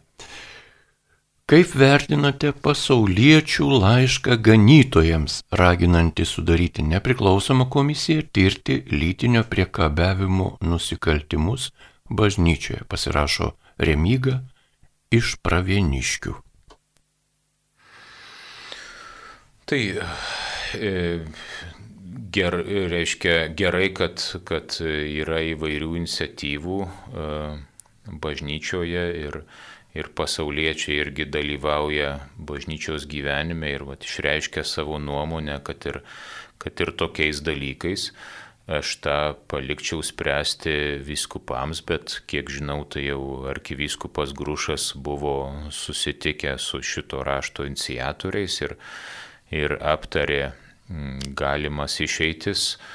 Tai manau, tokie pasiūlymai visada yra naudingi, paskui, na, bažnyčioje visgi pasitek, pasitikim ganytojais, kad, kad jie pasinaudoja tokiais patarimais, jų išklausę, padarys kaip, kaip yra geriausia ir kaip yra įmanoma. Tai bendrai tai žinoma, kad nesinorėtų, kad bažnyčioje apskritai vyktų tokie dalykai, dėl kurių paskui yra nutenka kelti tokias iniciatyvas. Na, o jeigu šita iniciatyva padėtų tikrai tokių atvejų sumažinti arba juos sustabdyti, tai ją reiktų tik tai sveikinti.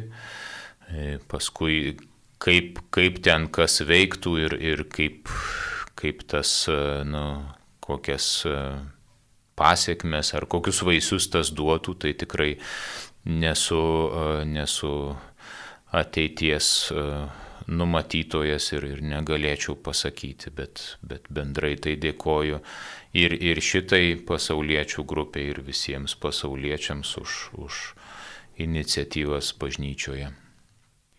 Dar viena žinutė, kas atsitiks žmonėms, kurie per visą gyvenimą nesidomėjo religiniu gyvenimu, o pragyveno laimingai iki vėlyvos senatvės. Turbūt Dievas nuspręs, kas atsitiks. Mes žinom pavyzdį iš e, Evangelijos, kad žmogus, kuris ne tik tai, kad visą gyvenimą ramiai pragyveno, bet, bet nesažiningai pragyveno ir buvo žmogžudys, bet štai buvo nukryžiuotas šalia Kristaus ir, ir, ir jam atsitiko taip, kad jis paprašė atleidimo ir iškart e, gavo Jėzaus pažadą, kad, kad su juo bus rojuje. Tai Tai turbūt tai, kas atsitiks su žmonėmis, yra pirmiausia Dievo ir jų pačių laisvos valios sprendimo klausimas. Ir, ir to mes nu, negalim kažkaip vienu, vieną taisyklę visiems išaiškinti, kaip ten su jais bus. Ir manau svarbu labai irgi nevertinti kitų o tiesiog stengtis e, dėl savęs, e, kad nugyventi tą gyvenimą su Dievu ir artėti prie, prie Dievo širdies. O kitus žmonės, ką galime už juos daryti, tai melsis, jeigu tai yra kažkas artimas žmogus, kuris iš tiesų mums rūpi, tai galime iš tiesų nešti maldoje, e, palydėti maldą ir palikti Dievui, kaip minėjo kunigas, jau jisai spres. Dar viena žinutė. E, klausytoja Danutė iš Klaipėdos rašo. Dažnai man dinksta daiktai be priežasties, rožančius ir taip toliau. Ar tai galima laikyti piktosios dvasios veikimu? Na, e, yra vienas iš piktosios dvasios varginimo ženklų, kad be priežasties e, dinksta daiktai, apie tai rašo ir dabar jau miręs e, garsus egzorcistas Gabrielis Amortas. Ar konkrečių jūsų atveju tai yra piktojo veikimas, ar tiesiog, na, jūsų pačios išsiblaškimas ir, ir Tai čia jau tikrai iš radijos studijos mes nepasakysim.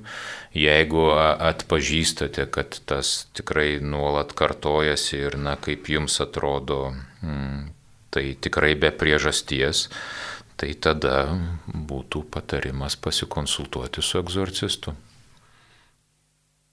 Dar viena žinutė. Kažkodėl būna sunku užmėgsti santyki maldoje su Dievu tėvu o daug lengviau su Jėzumi. Ar tai blogai? E, tame nematau nieko blogo, bet e, kartais atsitinka irgi taip dėl mūsų skirtingų patirčių. E, nežinau, koks būtent to klausytojo yra patirtis, bet kartais būna žmonėms sunku užmėgsti santykiai su Dievu tėvu.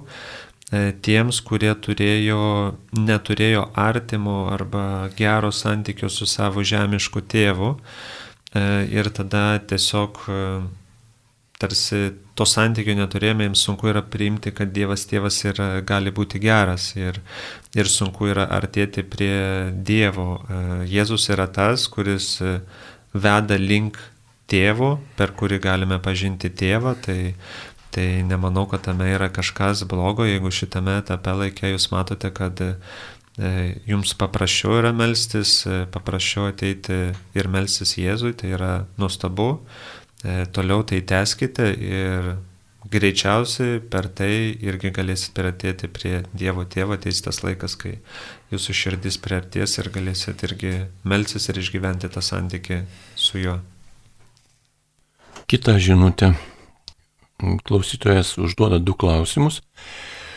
Tai iš tiesų jūsų manimų, kiek procentų Lietuvoje yra praktikuojančių katalikų? Ir ar tokie klausimai moterėlių jūsų neglumina? Ar tokie klausimai turėtų būti užduodami perskaičius katekizmą ir taip toliau?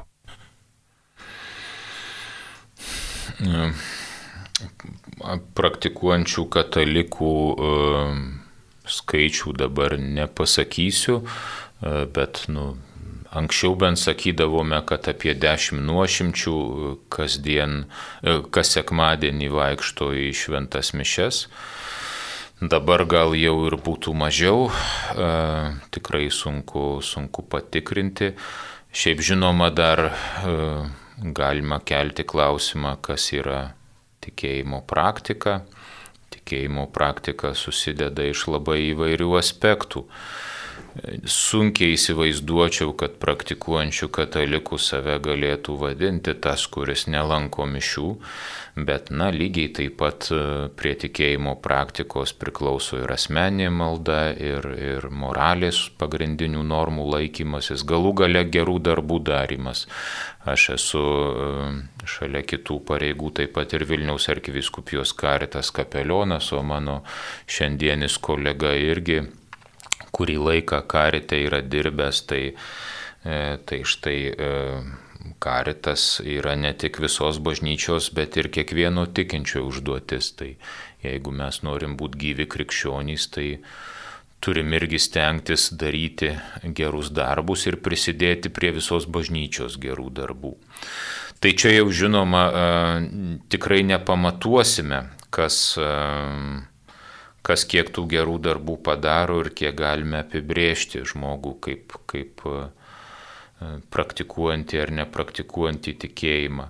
Dėl e, to, ar klausimai neglumina, čia bandau truputį susigaudyti, ar galbūt e, klausytojas ar žinutės rašytojas na, pašaipiai atsiliepia apie anksčiau girdėtus čia šitoj laidoj klausimus. Tai e, aš sakyčiau, mes gal būkim pagarbesni. E, e, Nežinau nei šito žinutės rašytojo amžiaus, nei jo pažiūrų, nei jo išsilavinimo, Bet, e, žinot, aš pavyzdžiui, kuris esu ir, ir kunigas, ir teologijos mokęsis ne tik seminarijoje, bet dar ir paskui užsienį jau kunigų būdamas. Bet, e, pavyzdžiui, e, nelaikau, kad mano tikėjimas yra stipresnis už mano dabar jau amžinatilsį močiutės, kuri net mokyklos nelankė. Jis kažkiek mokėjo rašyti nes namuose kažkiek pasimokė, bet, bet mokyklos niekad buvo nelankiusi.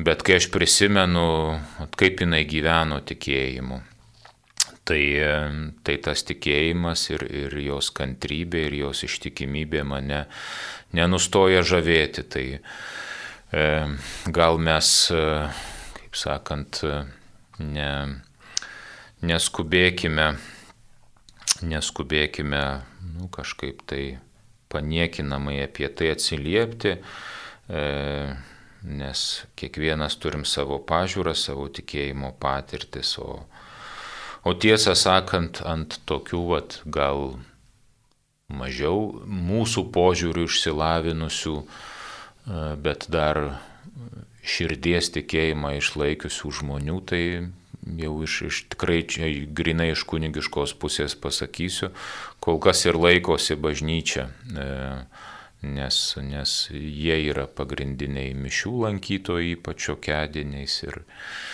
ir dažnai ir, ir sekmadienių pagrindiniai lankytojai. O, o vat tie, kurie save laiko kažkaip labai išmintingais, tai nu, jų rečiau bažnyčioje sulaukiame.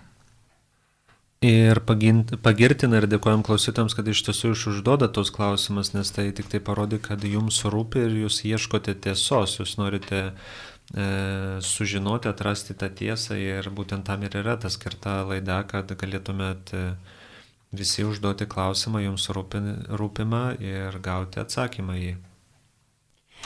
Kita žinutė. Jeigu vienam Giliai tikinčiajam nutinka sunki ir nepagydoma lyga dar jaunystėje, o kitam visiškai netikinčiam pavyksta laimingai ir sėkmingai išgyventi iki senatvės. Ar tai yra Dievo noras? Na, tokie, tokie klausimai keliami jau Senajame testamente. Ja, kodėl blogiesiems gerai sekasi, o teisėjai kenčia. Ir tai buvo Sename testamente, na va, toks, tokia patirtis, kuri, kuri skatino žmonės e, kažkaip išeiti iš tokio siauro supratimo, kad, e, žodžiu, e, geruosius Dievas laimina, bloguosius baudžia ir pagal tai maždaug galime nustatyti, kuris nusidėlis, o kuris teisusis, nes jeigu Nes jeigu štai e, kažkas nelaimingas, lygotas, tai reiškia, jis kažkuo nusidėjo, o, o kitas, žodžiu, kuris gyvena turtingai ir, ir sveikai, e, žodžiu, yra Dievo laiminamas. Tai tokia schema jinai e, yra dalyje Senojo testamento, bet jinai tam Sename testamente ir pranokstama, suprantant, kad, na, ne visada Ne visada šita taisyklė galioja ir šito klausytojo klausimo atveju tai yra tas pats. Tai, tai yra ir sena, ir dabartinė patirtis. Ar tai yra Dievo planas, e, galime atsakyti ir taip, ir ne. E, žinot, e, mes kartais sakom, kad kad e, niekas nevyksta apskritai be Dievo valios arba jo leidimo. Štai čia net šitoj laidoj kalbėjom apie piktosios dvasios veikimą, tai, tai e, piktoji dvasia irgi negalėtų veikti be Dievo leidimo. Ir, e, na, jinai gali padaryti tik tiek, kiek Dievas jai leidžia dėl jam vienam žinomų priežasčių. Mes nežinom, kodėl Dievas kartais leidžia piktai dvasiai e, veikti žmogaus gyvenimą. E, bet e, tai šia prasme, kad viskas, kas vyksta, tai yra Dievo valia, ta prasme jo leidimas. E, bet nereikia suprasti, kad kančia arba blogis arba skausmas yra tiesioginė Dievo valia. Čia irgi dabar greit nesurasiu, bet yra šventame rašte, reiškia jau Senajame testamente žodžiai, kad E, kad Dievas nesidžiaugia, kad žūsta teisėjai ir jis pasaulyje mirties nesukūrė. Jis visą sukūrė vien tam, kad gyventų. Tai šiaip Dievo valia yra gyvenimas, meilė e, ir amžinybė.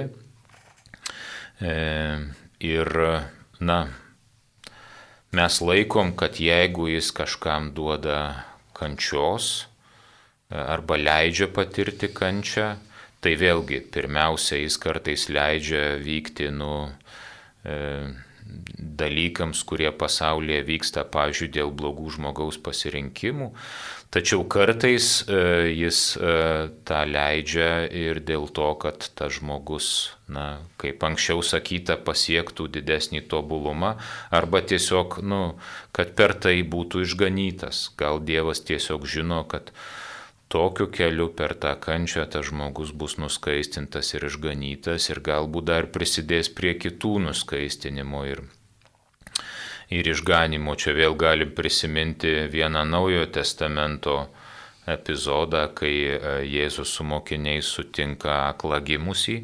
Iš Jono Evangelijos pasakojimas ir mokiniai klausia, kas nusidėjo, ar jis ar jo tėvai. O Jėzus atsako, nieks nenusidėjo, tiesiog jame turi apsireikšti Dievo darbai. Tai štai kartais, na, Dievas e, leidžia patirti kančios ar sunkumų dėl to, kad, e, dėl to, kad apreikštų mumyse savo darbus ir, ir žinoma, jeigu kas nors mūsų asmeniškai, žmogiškai klaustų, e, kokiu būdu mes norim, kad Dievas mumyse savo darbus apreikštų, tai turbūt retai kas rinktumės kančią ar sunkumus ir, ir, ir geriau rinktumės lengvesnius kelius, bet, na, kartais tenka priimti, kad ne viskas yra pagal mūsų norus ir pasirinkimus. Ir labai svarbu yra atskirti, kad kartais mums iš išorės atrodo, kad e, žmogus, kuris yra turtingas, jisai yra laimingas. Ir apie tai irgi esu ruošęs e, mokymą alfa kursų ir tada irgi kalbėjau su pavyzdžiais, dabar neišvardinsiu tiek pavardžių, bet žymių aktorių arba dainininkų, kurie yra pasaulinio masto, kurie iš tiesų yra turtingi, kurie mums atrodo gyvena tokį gyvenimą, kokio mes svajotume gyventi, bet tai, ką jie pasiekė tą gyvenimą, jie sako, kad jie nėra tame laimingi ir, ir tai negarantuoja tos laimės iš tiesų vidinės, o žinome e, Karlo Akutį, e, kuris susirgo, e, mirė ir yra palaiminto, kurios kūnas irgi neįra ir, ir žmogus buvo jaunas, mirė, bet, bet jame apsireiškė Dievo šlovė, apie kurį kalbėjo kunigas. Turime klausytoją Mums paskambino Adelė iš Udekų kaimo.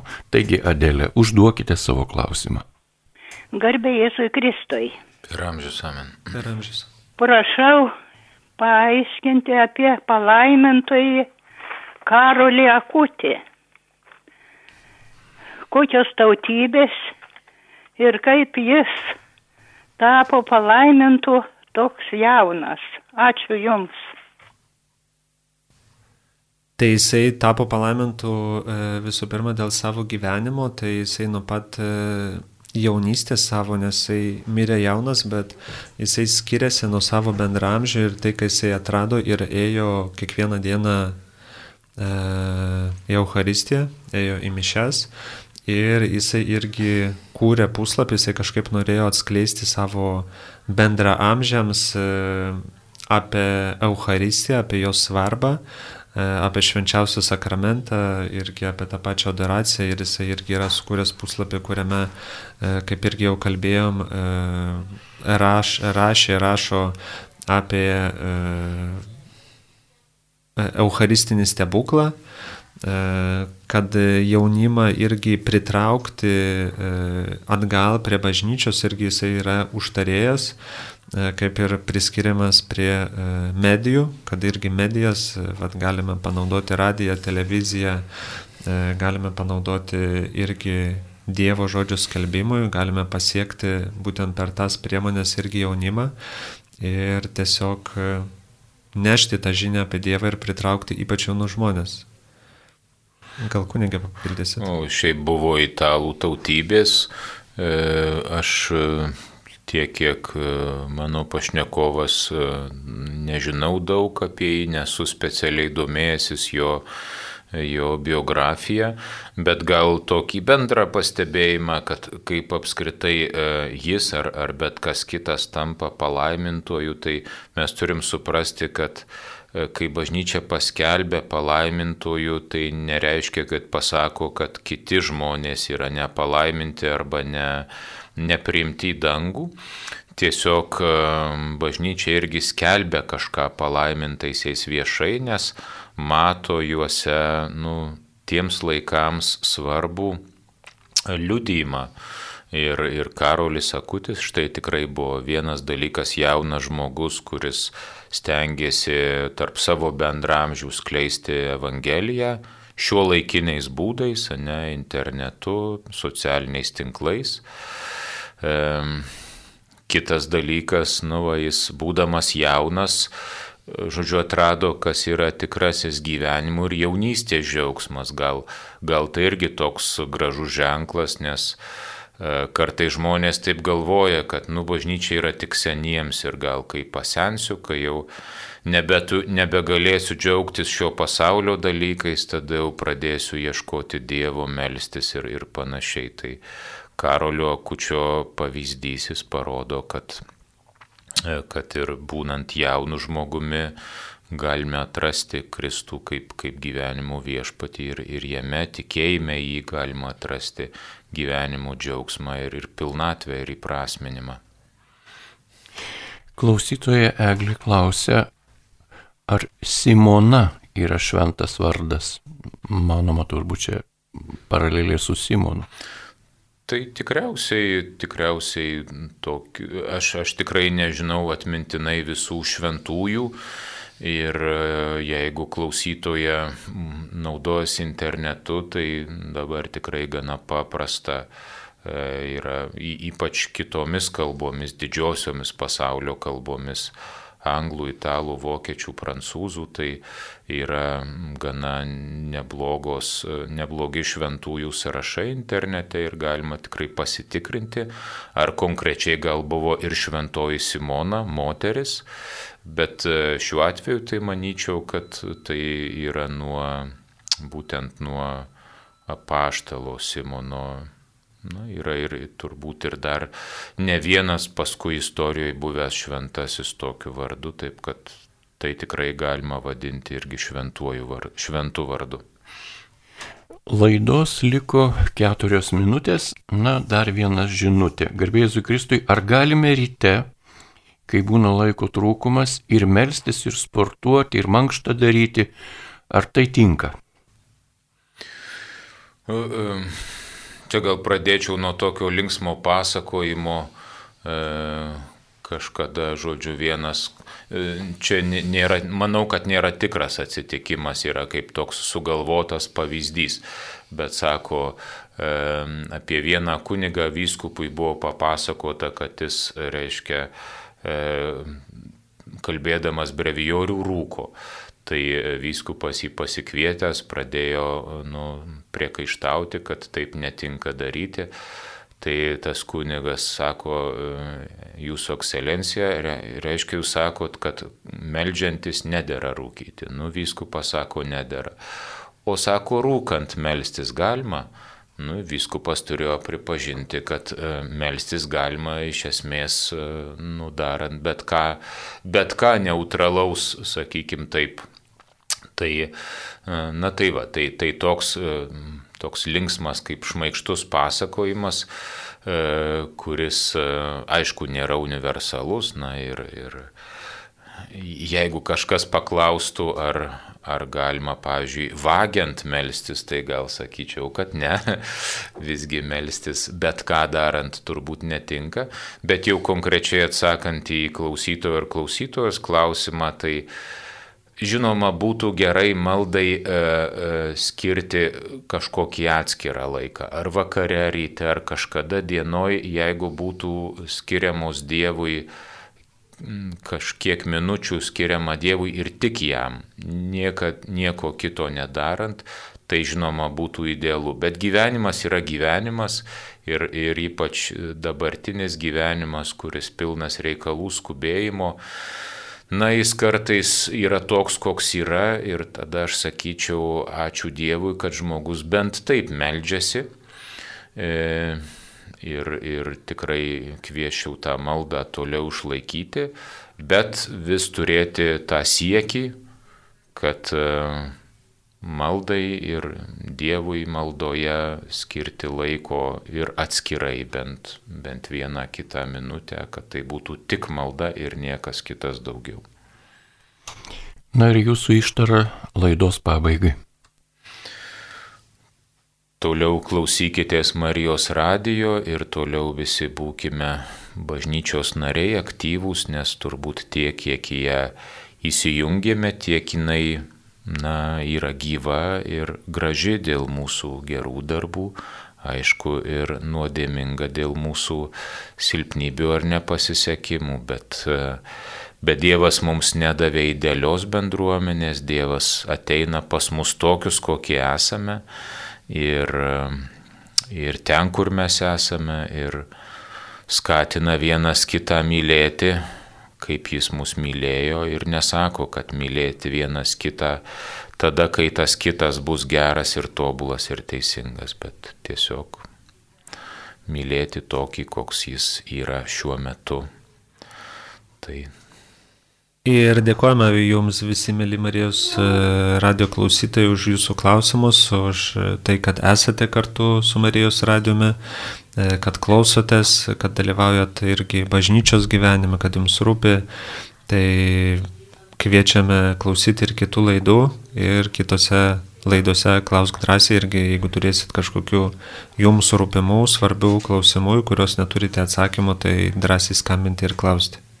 Šias dvi valandas su jumis bendravo ir į klausimus atsakė Karolis Kaplevski ir monsinjoras Židrūnas Vabolas iš Vilniaus arkiviskupijos. Jiems talkino Liutauras Serapinas, ragindamas likti toliau su Marijos radiju.